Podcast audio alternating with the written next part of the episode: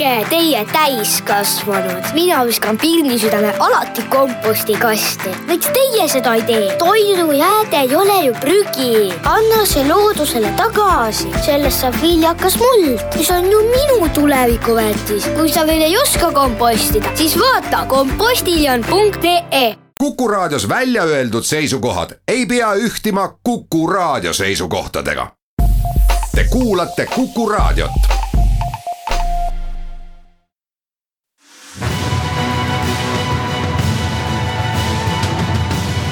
Kaks ühes tere, kallid sõbrad, on jälle teisipäev ja Kaks ühes läheb eetrisse, sest see saade läheb eetrisse Kuku raadios. iga kord, igal teisipäeval kella ühest kaheni ja saatejuht on tänagi Vilja Kiisler. ning külalisigi on kaks, nagu saate formaat ette näeb. räägime erinevatel teemadel, mis moel või teisel võiksid mahtuda ühise märksõna vabaduse alla. saate teises pooles räägime ajakirjandussotsioloogia õppejõu Ragne Kõuts-Klemmiga Ahto Lubjaka kaasusest, tema lahkumisest ERR-ist, selle tagamaadest ja mõjudest ajakirjandusvabadusele Eestis.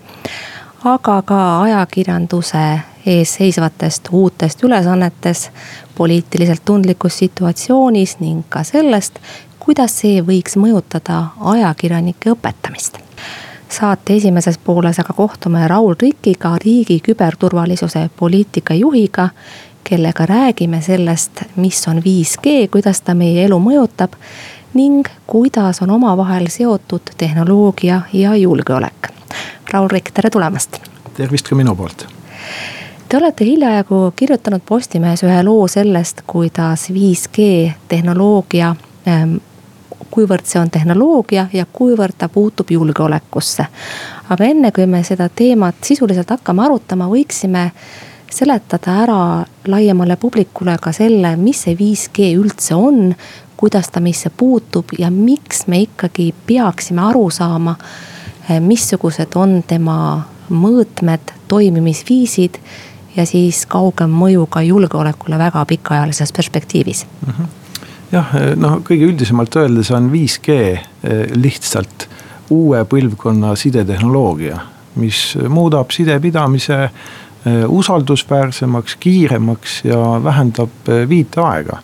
et see on näiteks oluline isesõiv-, isesõitvate sõidukite puhul, kus on vaja olla kindel, et selle loka-, lokatsioon ja, ja juhtimine toimuks ilma viiteta ja oleks usaldusväärne. et noh, näiteks võib tuua, et kui inimese reaktsiooniaeg on nelisada millisekundit. siis 4G puhul on viiteaeg umbes kakssada millisekundit, aga 5G puhul on see lausa üks millisekund. et eh, nii-öelda kõik asjad toimuvad internetis ilma eh, viiveta. ja teisest küljest, mida see 5G eh, nagu tekitab, on see, et kui näiteks praegult on mobiilmastide vahe või sidemastide vahe umbes noh kaks-kolm kilomeetrit, siis 5G äh, puhul peaks olema nende mastide vahe seal kuskil kakssada, kolmsada meetrit. nii et sidepidamine tuleb äh, lõppseadmetele lähemale. ja seetõttu muutubki side äh, pidamise maht suuremaks ja side ise ka usaldusväärsemaks aga vaatame seda asja nüüd lähemalt selle, selles mõõtmes, nagu me tahtsimegi sellest kõnelda. nimelt käib praegu Euroopas ja tegelikult ka kogu maailmas üsnagi elav diskussioon selle üle, kas lubada siis Hiina tehnoloogiat G5, 5G sidevõrkudesse või mitte lubada.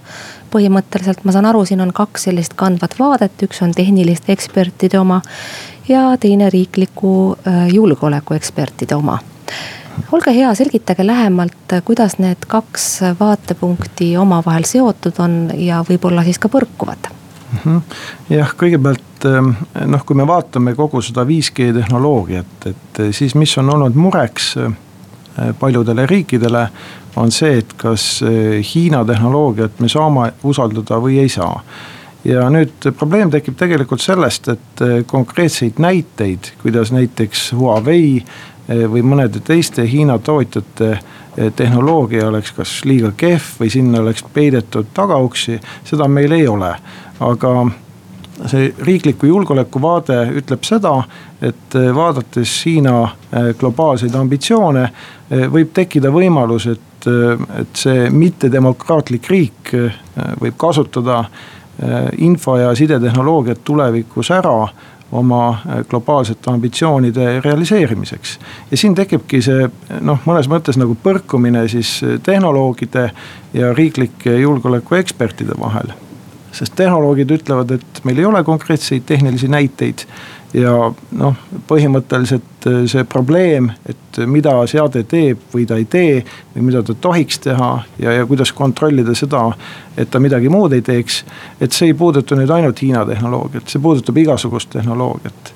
aga riikliku julgeoleku vaatest äh, nähakse just nimelt ohtu selles, et äh, see riik tervikuna, mis on siis ebademokraatlik, et ta ei ole nagu pikas perspektiivis usaldusväärne ja siin tekib see noh, nagu põrkumine nende kahe nagu vaate vahel no see teatav usaldamatus Hiina ja tema võimalike globaalsete ambitsioonide vastu on äh, muide ka Eestis üles kerkinud teisteski valdades. nimelt Tallinna-Helsingi tunneli asjus. Äh, Peeter Vesterbaka äh, on lubanud kaasata Hiina investoreid ja see on mitmegi kohaliku ettevõtja muutnud selle projekti suhtes pehmelt öeldes noh, ettevaatlikuks. teisest küljest on seesama Huawei, mida te juba nimetasite Äh, ka maailma ajakirjanduses läbi käinud kui äh, ettevõte, millel tõepoolest need tagauksed võivad olla. ja võib-olla ma eksin, parandage mind, kuid mulle tundub, et ka tehnoloogia eksperdid on siin väljendanud teatavat äh, usaldamatust konkreetselt just Huawei suhtes. Jah, aga ütleme, see probleem baseerubki või, või taandub sellele, et küsimus on ikkagi Äh, selles, et kuidas vältida asja, mis võiks tulevikus juhtuda.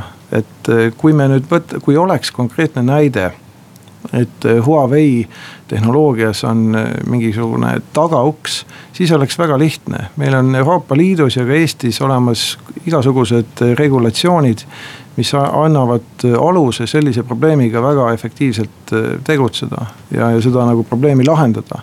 aga probleem ongi selles, et sellist konkreetset näidet ei ole nii et me saame rääkida teoreetilisest ohust. ja, ja siin tulebki see probleem mängu, et meil ei ole nagu tehnoloogilisi argumente selleks, et kas äh, üks või teine tehnoloogia on äh, siis halb.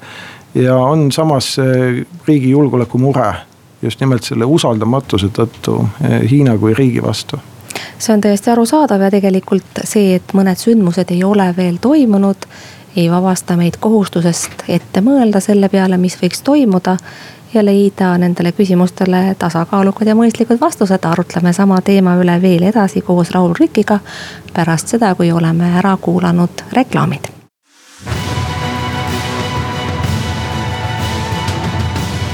kaks ühes head sõbrad, kaks ühes läheb edasi sealt, kus ta pooleli jäi ja me räägime juttu Raul Rikiga, riigi küberturvalisuse poliitika juhiga sellest, mida võiks 5G tehnoloogia meile tähendada ja kuidas meid mõjutaks see eh, tehnoloogia siis, kui ta tuleb Hiinast. Ma võib-olla tsiteeriksin siinkohal ka just julgeolekumõõdet silmas pidades Rahvusvahelise Kaitseuuringute Keskuse direktorit Sven Sakkovit, kes on seda võrku iseloomustanud nõnda. tegemist on ju lihtsalt uue sidesüsteemiga paraku ei saa 5G olema pelgalt sidesüsteem, 5G-st saab meie tulevase infoühiskonna digitaalne närvisüsteem. Isesõitvad autod, tööstuskontrollseadmed, kogu meie majandus, olmeelu ja olu saab sõltuma 5G võrgust, see on võrkude võrk süsteemide süsteem, ehk siis midagi säärast, mida tegelikult teie juba ka sõnastasite saate esimeses pooles. ja juttu oli ka siis Huawei'st, mille suhtes julgeolekuekspertidel on teatav usaldamatus. Muidugi ei saa me öelda, et Hiina ambitsioonid võiksid meile olla ohtlikud ja Huawei tagauste kohta, nagu oli juttu. ei ole ka selliseid konkreetseid tõendeid, mida saaks ette tuua, kui hakatakse otsustama. samas Raul Rikk on äh, ilmselt äh, võimatu jätta kahe silma vahele tõsiasja, et Hiina on väga võimas tehnoloogiatootja. Huawei, millest me rääkisime, on väga suur ja suure turujõuga firma. Ehk teisisõnu, tegelikult on väga keeruline üldse vältida Hiinat ja ka seda konkreetset ettevõtet. kui me räägime 5G tehnoloogiast ja selle levikust maailmas jah, ja, ja, ja tegelikult see ei puuduta ainult 5G tehnoloogiat, et Hiina on oma eh, tehnoloogiaga juba praegult igal pool sees. et Eesti kontekstis võib ka öelda niimoodi, et meie puhul on ka 4G eh, süsteem nii-öelda põhimõtteliselt närvisüsteemi osa või, või ongi see närvisüsteem, mille peal, eks ju, meie e-teenused töötavad. et siin ei ole mingit vahet, et 5G toob lihtsalt suuremad andmemahud veel juurde ja siis nagu teist, ütleme siis usaldusväärsema ühenduse. aga kui me vaatame tõesti Hiina tehnoloogiat, et siis olgu see 4G, 3G, 2G, kõik arvutid, mida me kasutame. igasugused valvekaamerad, nutividinad, et seal on igal pool Hiina tehnoloogia sees. Ja nüüd see muudabki nagu selle Hiina tehnoloogia sellise mastaapse keelamise väga probleemseks, sest noh, kui me ütleme nüüd, et me Hiina tehnoloogiat üldse ei kasuta siis me võiks oma infoühiskonna rahumeeli kinni panna, nii nagu ruumist väljudest kustutame tule ja ongi nagu asjaga ühel pool. et, et see ongi nagu see raske koht. Ja, ja teisest küljest, et isegi kui me ütleme, et me võiks nüüd aktsepteerida mõne teise tootja seadmeid, siis eh, väga suures osas need eh, seadmed on samamoodi toodetud Hiinas et noh, nii nagu ma ka selles artiklis välja tõin, et eh, noh, näiteks Ericsson, kes toodab 5G võrguseadmeid need eh, toodetakse Hiinas ja siis, kui me ostame Ericssoni, me saame ikkagi tegelikult Hiina seadmed, et eh, noh, vot siin ongi see probleem. Või, või kui me ostame ükskõik milliseid eh, muid seadmeid, siis võib-olla on seal Hiina komponendid sees. et nüüd ise, kui, isegi kui on selline tahe olemas riigis, et jah me ei usalda Hiinat ja me tahame seda tehnoloogiat piirata, siis tekib küsimus, et kuidas seda praktikas teha. see on nagu suur murekoht. aga kui nüüd Eesti peab seda debatti edasi ja see debatt käib loomulikult edasi ka teistes Euroopa riikides, sest kui ma saan õigesti aru, siis Euroopa Liidu tasemel on asjad nõnda, et iga riik siin langetab ise otsuse, on see õige?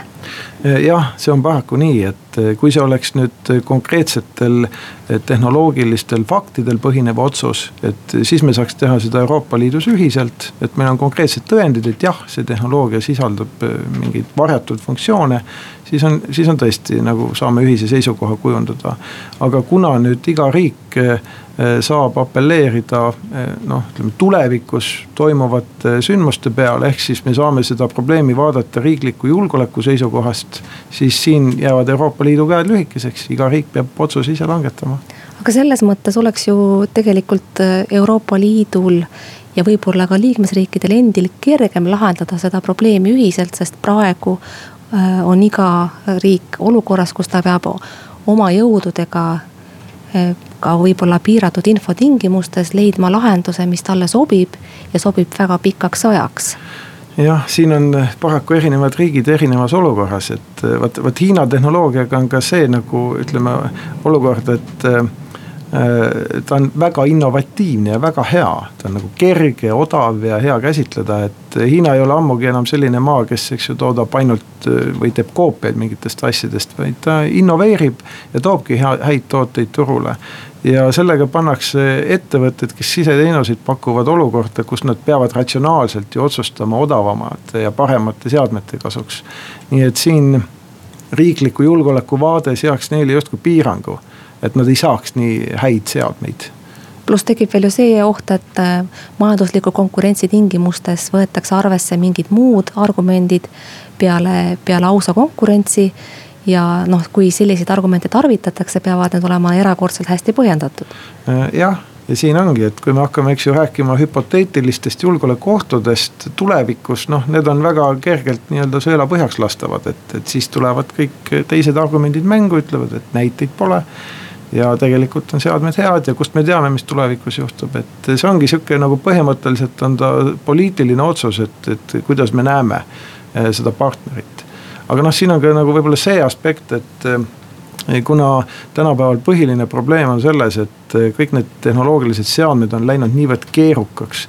siis on väga raske kontrollida, mida need seadmed tegelikult teevad ja selle tõttu ongi selle tehnoloogia Äh, tootja usaldamine muutunud ülioluliseks. sest me lihtsalt ei saa sinna kiipidesse, tarkvarasse kogu aeg sügavuti sisse vaadata. ja siis sa pead lihtsalt usaldama, et kas tootja on hea või mitte. see on nagu natuke nagu abieluga, et kust ma tean, et see inimene on, eks ju, tulevikus hea, aga ma pean tegema panuse, arvestades, et kas ma usaldan teda või mitte. No tegelikult on usaldusele üles ehitatud ju väga paljud valdkonnad meie elus, keegi meist ei oska juhtida lennukit, kuid ometi lennukisse me istume ja usaldame oma elu piloodi, hooldaja, kes vajab arstiabi, mitte keegi meist ei oska iseendale operatsiooni teha, me usaldame kirurgi, kes seda oskab. samas igasugune usaldus eeldab alati ka faktilisi teadmisi. kuid mõtleme korra selle peale, mis saab siis, kui nüüd Eestis ja mujalgi riikides see debatt peaks jõudma selleni, et Hiina tehnoloogiat selles kontekstis usaldada ei saa. missugused oleksid selle tagajärjed näiteks konkreetselt e-riigile, sest nagu te juba viitasite, ilma Hiina tehnoloogiata tegelikult seda, seda e-riiki, mis meil on olemas, me seda sellisel kujul kasutada ei saaks.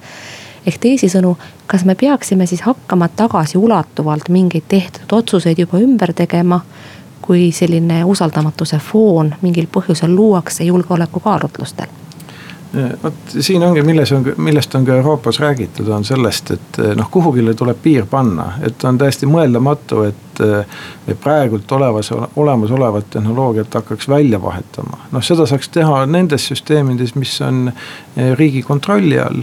et eh, need, mille puhul tehakse hankeid ja siis teadlikult ostetakse ja välditakse eh, noh, mingeid kindlaid tehnoloogia pakkujaid, aga tervikuna noh, kui see piir kuhugile tõmmata, siis sellepärast see 5G ongi nüüd diskussiooni all, et võib-olla see peaks olema see koht, kus me ütleme, et siit edasi me hakkame nagu tehnoloogiasse täpsemalt sisse vaatama ja. ja vot selle 5G tehnoloogia puhul on nüüd tootja usaldusväärsus see A ja O aga kui me nüüd räägime konkreetselt Huawei'st, siis noh, vaevalt me peame äh, hakkama kuidagi riigi tasemel ametlikult põhjendama, miks eelistatakse üht tootjat või operaatorit teisele kuid äh, tegelikult vajame me ju ise kindlat arusaamist sellest, missugused need põhjendused on. ehk ähm, kuidas seda peaks hakkama selgitama näiteks ettevõtjatele, kes võivad öelda, et äh, kui me praegu sellistel kaalutlustel välistame konkreetsed tootjad maailmas, mismoodi siis võiks selline praktika julgeolekukaalutlustele tuginemine ja sellele viitamine mõjutada ettevõtluskeskkonda laiemalt? Mhm. no võib-olla see, kuidas ta ettevõtlust mõjutab, on see, et eh, noh, mingid tooted, teenused võivad olla natukene kallimad ja võivad tulla natukene hiljem turule. et eh, ma ei usu, et ta nüüd väga laias laastus mõjutaks aga see, mis on nagu üks põhiline mure ka Eestile, on see, et eh, isegi kui meie näiteks otsustame, et me ei näe Hiina tehnoloogias ohtu, siis me ei ole paraku siin mängus üksi, me kuulume Euroopa Liitu ja NATO-sse ja kui NATO liitlased näiteks või kasvõi üks nendest ütleb, et nemad ei usalda seda ja nemad ei, ei toeta sõjaliselt neid riike, kes kasutavad Hiina tehnoloogiat. siis me oleme kohe lõhkise küna ees, et selles mõttes me peame selles mängus arvestama ka sellega, eh, mismoodi meie liitlased suhtuvad Hiina tehnoloogiasse, mitte ainult seda, kuidas me ise eh, sellesse suhtume. ja see annab konkreetsed piirid ette, et kui kasvõi üks NATO liige näeb selles probleemi, siis me peame nagu alliansina ikkagi sellise selge ja ühise seisukoha kujundama tõepoolest, see on väga oluline mõõde kogu selles debatis. Raul Riik, suur tänu, et aitasite aru saada sellest, mis see 5G on. kuidas ta meie elu mõjutab ja missugusel moel võiks ta mõjutada ka riigi julgeolekut ning selle kaudu vähemasti kaudselt siis ka ettevõtluskeskkonda ja kõiki sellega seotud küsimusi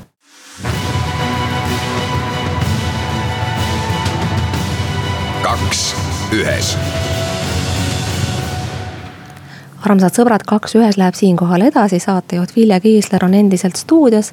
aga minu vastas istub Ragne Kõuts-Klemm, ajakirjandussotsioloogia õppejõud, kellega mul on täna hea meel kõnelda ajakirjandusvabadusest, ajakirjanduse ülesannetest muutunud poliitilises situatsioonis ja ka sellest, kuidas võiks ajakirjanike õpetamine olla muutunud viimaste aastate jooksul ja võib-olla muutuda veel lähitulevikus, sest miski ei seisa paigal. ajakirjanike ettevalmistuse ülesanded muutuvad koos muutuva ajaga. tere tulemast. tere. alustame võib-olla juttu äh, ajendatuna Ahto Lobjaka juhtumist, ehk siis sellest, et olukorra riigist saatejuht Lobjakas loobus oma tööst ja loobudes viitas, et tal oli valida, kas enesetsensuuri või lahkumise vahel. tänaseks on meedias sellest palju juttu olnud, kuid ma mõtlen, et selline ajakirjandusõppejõu kõrvalpilk võiks ehk midagi sellele debatile, mis on puhkenud, omalt poolt lisada, olge hea! Ja aitäh selle võimaluse eest!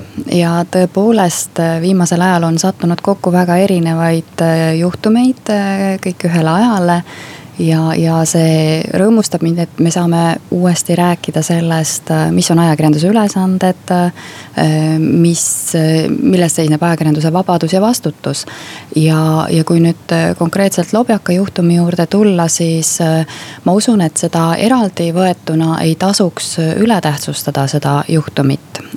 see kindlasti markeerib muutunud olusid, aga, aga ma arvan, et ta tema puhul on nii palju selliseid nüansse, mida võiks arvesse võtta, eh, kui me analüüsime seda eh, juhtumit eh, nendes muutunud oludes. ja, ja seda infot on ju hästi palju selle kohta nüüd tulnud. mis need ajendid olid, kes mida ütles, kuidas see kõik täpselt toimus.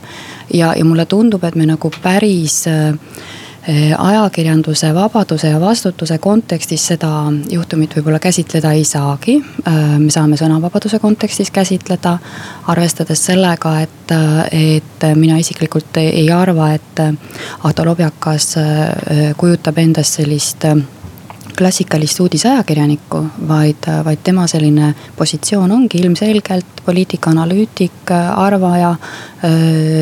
analüütik, kes tõepoolest teab ühest valdkonnast rohkem ja selle pinnal siis on kujundanud oma arvamuse ja jagab seda kuulajate ja, ja, ja lugejatega. nii et, et see küsimus on tõesti pigem tema, tema selliste seisukohtade äh, ka sellises aktuaalsuses ja, ja ka äh, toimetuse ja tema enda kokkulepetes, kuivõrd need seisukohad äh, sobivad selles kanalis esitada.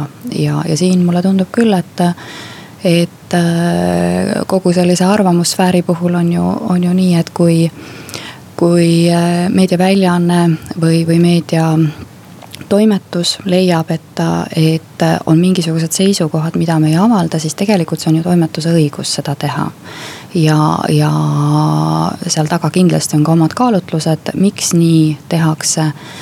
olgu siis põhjused, ma ei tea, kuidagi tasakaalustatum käsitlus, mitte, mitte üle võimendada ühte või teist poolt seisukohtadest. nii et ma usun, et siin noh, see tõesti selle juhtumi lahtivõtmine väga paljudeks kildudeks on õigustatud ja hea, sest me räägime taas sellest, et, et mis tähtsus on arvamustel ja mida, mida nendega võib teha siis. kas, kas me loome siin sellist äh, koostöist äh, keskkonda, kus me ühiselt otsime lahendusi keerulistele olukordadele või me tõepoolest mõningate seisukohtadega ka vastandame ja ja, ja tekitame pigem lõhestamist äh, ühiskonnas. nii et siin on tõesti hästi palju nüansse, mida peaks arvestama selle juhtumi puhul. tõepoolest, me ei hakka praegu enam arutlema selle üle, kes mida ütles või äh, mis oli konkreetselt selle või teise sammu põhjus. kuid äh, mulle torkas teie jutust kõrva väljend muutunud olud ja noh, arusaadavasti see Lobjaka lahkumine langeb ka teatavasse poliitilisse konteksti Eh, kas oleksite nõus lähemalt selgitama, mida te nende muutunud oludega silmas pidasite ja kuidas eh, need muutunud olud võiksid mõjutada ajakirjandusvabadust Eestis ka pikemas ettevaates? jah, ma pidasin siin silmas eelkõige seda, et, et tegelikult me oleme ju noh, ajalooliselt sellises olukorras, kus kus äh, põhimõtteliselt äh, kellelgi ei ole takistusi sellele, et oma arvamustega avalikkusesse jõuda. kogu internetitehnoloogia, nutiseadmed, sotsiaalmeedia on võimaldanud seda, et neid hääli, kes saavad kuuldaval olla, on palju rohkem. Äh, noh, kui me nüüd hästi selliste lihtsaid võrdlusi teeme, siis, siis võib öelda, et nii-öelda vanasti enne, enne internetti siis oli siiski see jäme ots ajakirjanike ja toimetuste käes kes otsustasid, äh, keda me siis avalikkuseni ähm, viime ja keda mitte, kelle arvamusi me peame piisavalt oluliseks, et, äh, et avalikkuseni viia. aga praegu põhimõtteliselt igaüks räägib kaasa ja selles mõttes need olud on muutunud juba, juba ütleme sellise kommunikatsioonitehnoloogilise poole pealt ja, ja teiselt poolt äh, tõepoolest äh, me oleme natukene võib-olla ka abitud äh, selle olukorra, noh, ma ei tea, ütleks manageerimisel siis. või, või kuidagi haldamisel nii, et, ähm, et kui ähm, arutelus osalevad paljud sellised arvamused ja sellised hääled, kes hästi ei mõtle läbi, mis on minu selle noh sõnavõtu tagajärjed või, või ka eesmärgid, miks ma seda teen.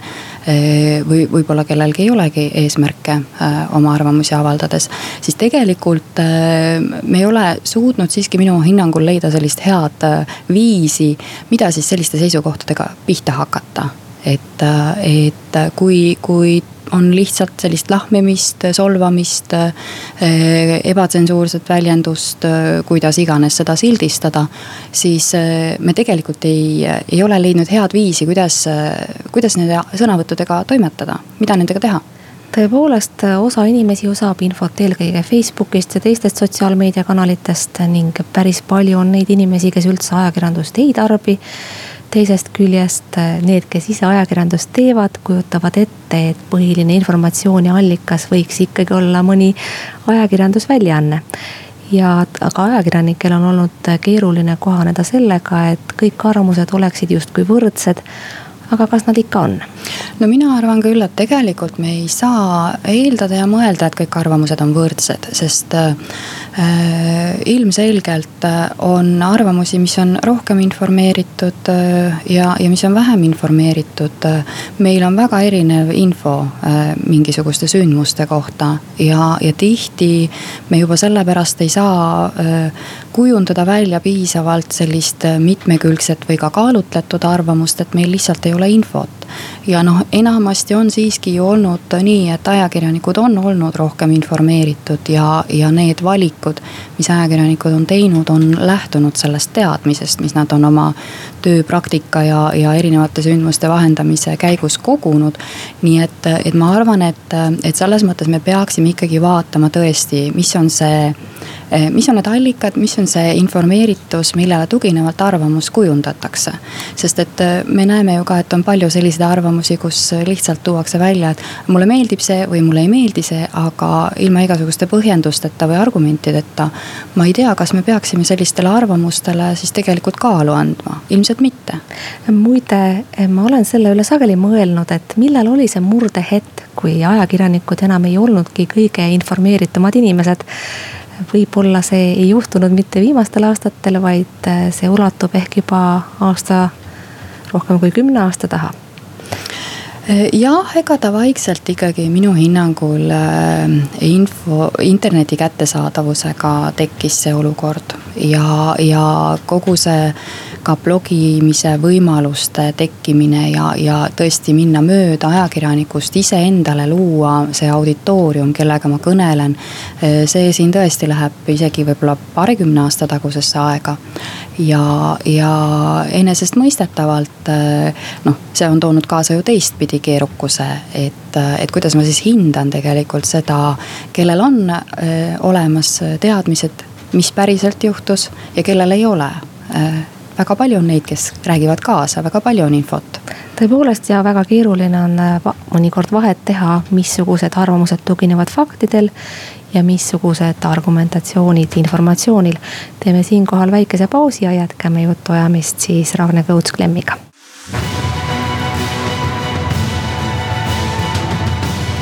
kaks ühes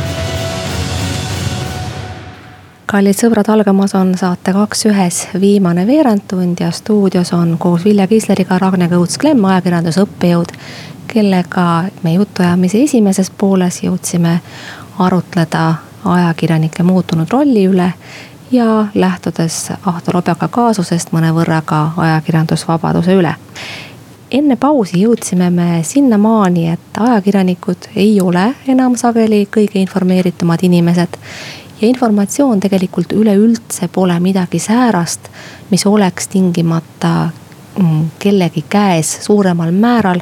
pigem mu meelest toimub ühiskonnas see, et informatsiooni hulk on nii suur, et äh, mingis professionaalide ringis teatakse ühte asja paremini ja sageli need teadmised ei levi sellisel viisil, et nad oleksid avalikult kättesaadavad, ehk siis kuskil ei ole mingisugust infomonopoli, kuid teadmiste hulk on äh, hajunud, kontsentreerinud grupiti ja see tegelikult teeb ajakirjanike töö ka erakordselt raskeks. eriti võttes arvesse asjaolu, et andmemahud on muutunud määratult suureks. kuivõrd võiks see muuta ajakirjanike sellise põhiülesande ähm, põhiülesande sõnastamise vajadust, kuivõrd on ajakirjanike ees seisnev selline põhiline, kõige tähtsam asi muutunud viimaste aastate jooksul.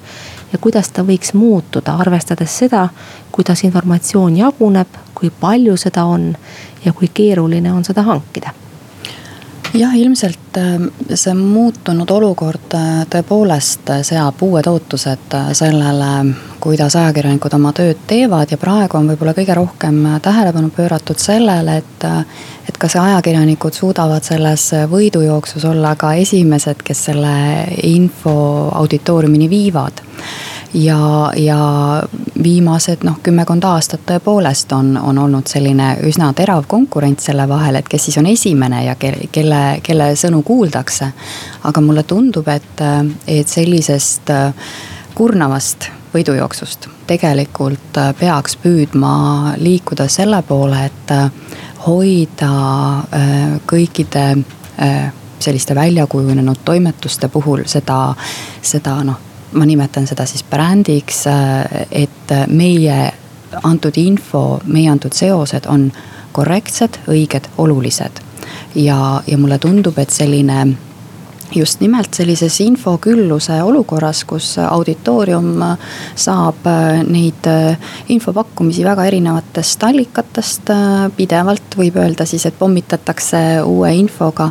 siis on ajakirjaniku ülesanne just nimelt olla see, kes, kes tegelikult on kontrollinud, milline nendest infokillukestest on õige ja kelle sõnu võib usaldada, et tõepoolest ta teab, ta on, ta on välja uurinud ja, ja mis puudutab äh, tegelikult sellist just äh, seoste nägemist äh, erinevate juhtumite vahel või ka noh, erinevate protsesside vahel, siis mulle tundub, et ega kellelgi teisel väga palju sellist ressurssi ei ole ja ka oskusi ei ole.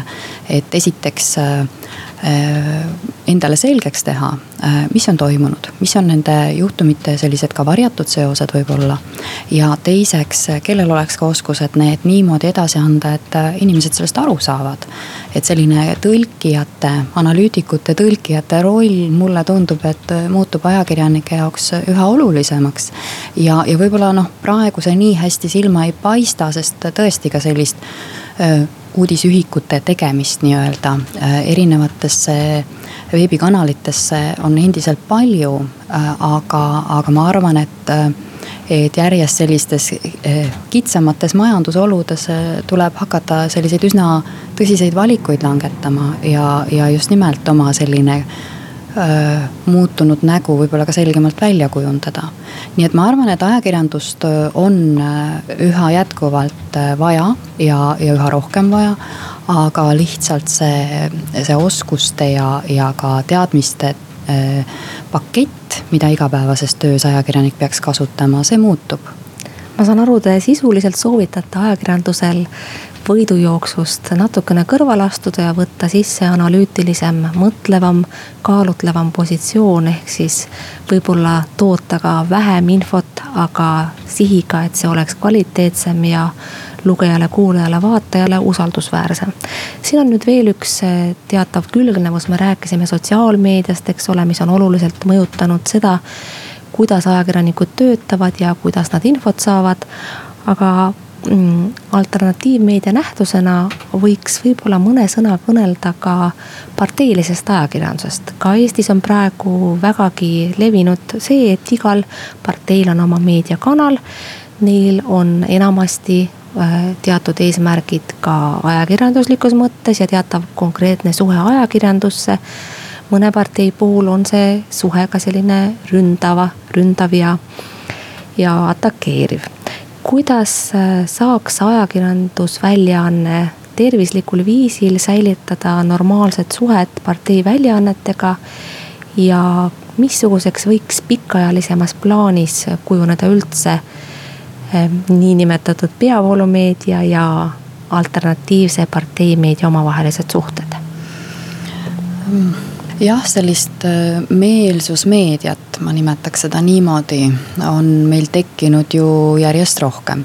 ja, ja ma üldauditooriumile suunatud ajakirjanduse puhul äh, siiski ei pea päris õigeks, et, et üldajakirjandus peaks oma tegevuse hindamisel võtma neid mõõdupuuks noh, see on sa-, samasugune võib-olla selline vastastikune suhe, et, et nagu siin juba ammu reklaamiteooriatestki on teada. Et kui, kui ma pööran tähelepanu millelegi ka üldajakirjanduses, siis ma tegelikult noh, annan sellele ka hääle ja võimendan seda. et ma usun, et kõikide nende üksikjuhtumite puhul, mis puudutavad siis äh, rünnakuid sellise meelsusmeedia poolt, peaks siiski kaaluma, kas on üldse otstarbekas sellele tähelepanu pöörata.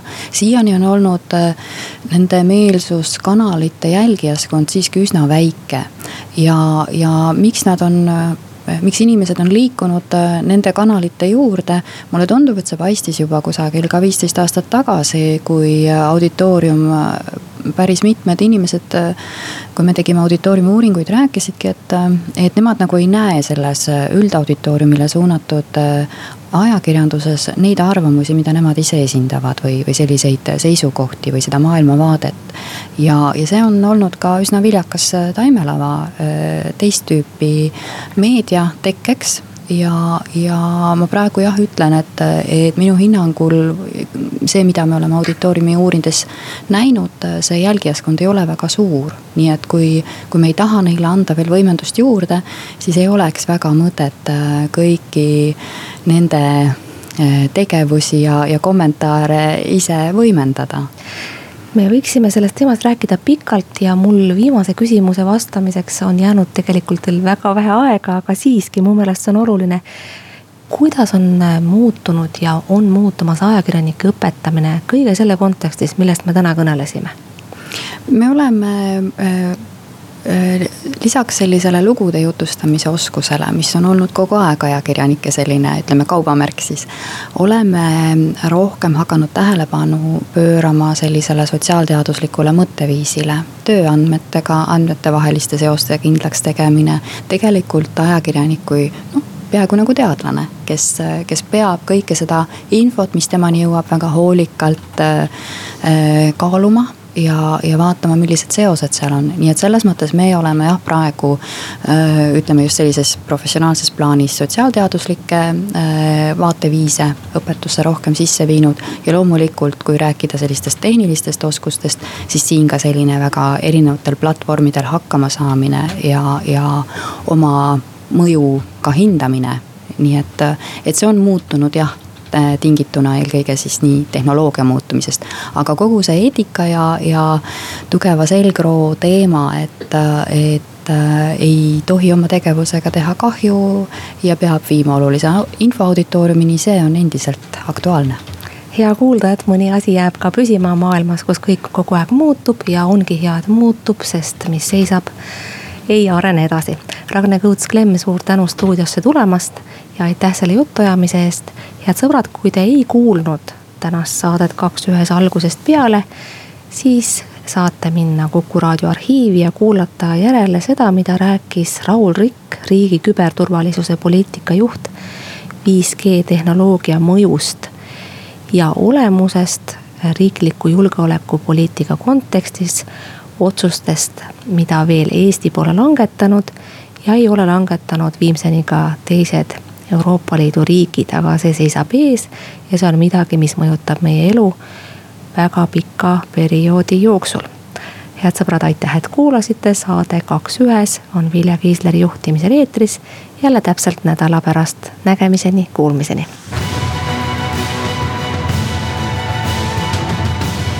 kaks ühes